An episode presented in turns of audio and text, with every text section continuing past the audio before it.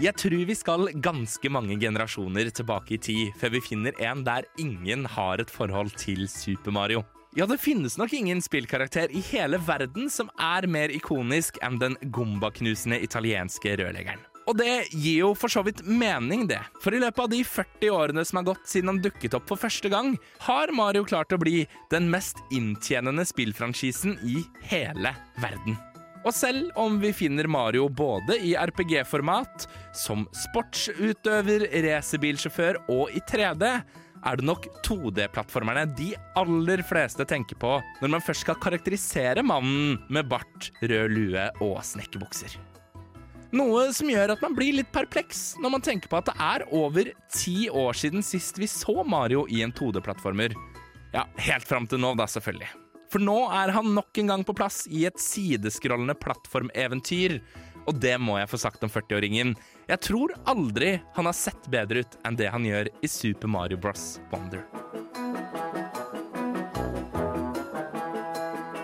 Super Mario Bros. Wonder er både et forfriskende nytt og beroligende kjent spill.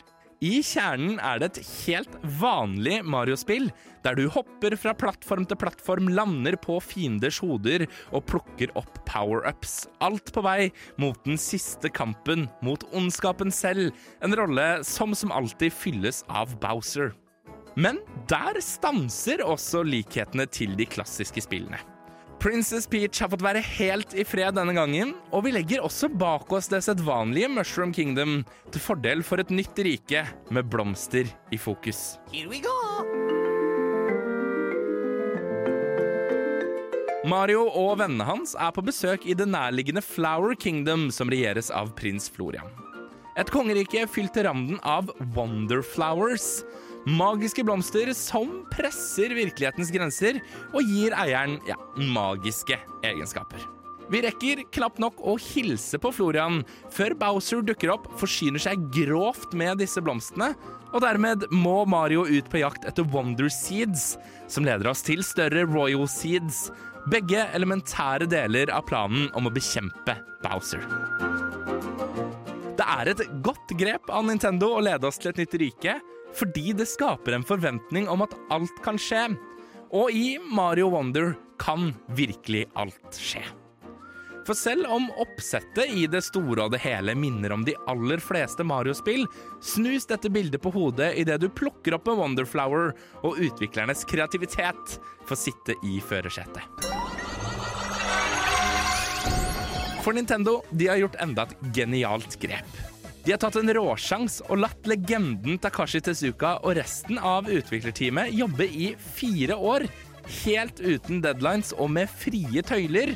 Noe som ifølge IGN resulterte i at de hadde over 2000 ideer på blokka før de plukket ut de aller beste og implementerte disse i spillet. Dette gjør at det som på overflaten virker som en helt vanlig plattformer, plutselig blir noe helt annet når du plukker opp en Wonderflower og verden i løpet av kort tid blir omgjort til musikalnumre med syngende pirayaplanter, stealth-oppdrag og baner der Mario selv blir en gomba, for å nevne noen ytterst få. Og det er ikke bare de magiske blomstene som viser fram kreativiteten i spillet. Det er også nye power-ups på menyen. Den vanlige ildblomsten kjenner nok de aller fleste av oss fra før. Men den får godt selskap denne gangen, med en drillhatt som gir deg muligheten til å grave deg ned i bakken, en boble som gir deg muligheten til å fange fiendene i en såpeboble, og kanskje det flest har bemerket seg på nettet, muligheten til å gjøres om til en stor elefant. Alt dette bidrar til å gjøre Mario-opplevelsen drastisk annerledes enn den vi fikk servert i Mario-emulatoren på 1-2-3-spill. Det gjør det rett og slett forfriskende nytt.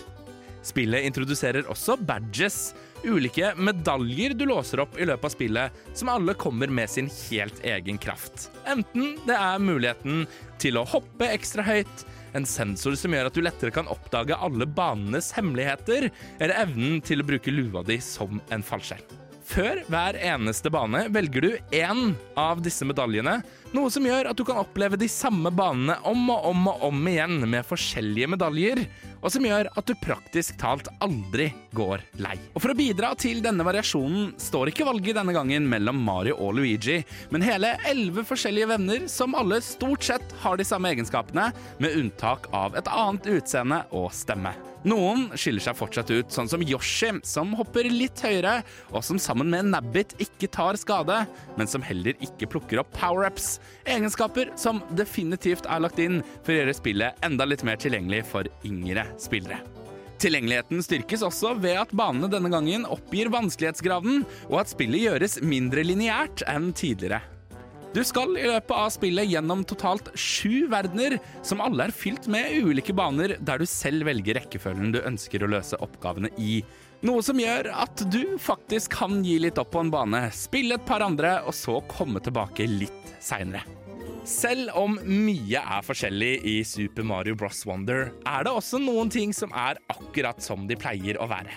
Den ikoniske komponisten Koji Kondo er nok en gang tilbake, og sammen med en drøss andre dyktige komponister sørger de for at Mario-verden, og for øvrig denne anmeldelsen, høres ut som den skal. Eller det vil si med ett viktig unntak. For for første gang på over 30 år er det ikke Charles Martinet som har lånt bort den ikoniske stemmen sin til alles favorittrørlegger. Heldigvis har ikke Nintendo erstattet han med Chris Pratt, som de gjorde i Mario-filmen tidligere i år, men det er Kevin Afghani som har tatt plass foran mikrofonen og levert de ikoniske replikkene. En jobb han gjør på eksemplarisk vis. For det er ingen tvil om at det fortsatt er Mario som er på plass. Let's Vi nærmer oss nå slutten på det som uten tvil har vært et av de beste spillårene på lang, lang tid. Starfield, Alan Wake 2, Assassin's Creed Mirage, Boulders Gate 3, Final Fantasy 16, Jedi Survivor Altså, storspillene har virkelig stått i kø helt siden januar. Og Nintendo de har kastet seg inn i kampen for å sørge for at Game of the Year-prisen i år blir stående på deres peishylle. Først med Tears of the Kingdom, og nå igjen med Mario Wonder. Det er rett og slett et enestående spill. For det er en eneste ting som virkelig skinner gjennom hele spillet. En enorm skaperglede. Det er bare for alle andre studioer å ta fram notatblokka. Arbeid uten deadlines og med frie tøyler, det lønner seg når man ender opp med ren spillmagi. Super Mario Bros. Wonder er det beste Mario-spillet Nei, vet du hva, stryk det. Det er den beste 2D-plattformeren jeg noen gang har spilt. Og det er kanskje ikke overraskende at det får 100 av 100 troikabarer. Fordi det er rett og slett helt perfekt.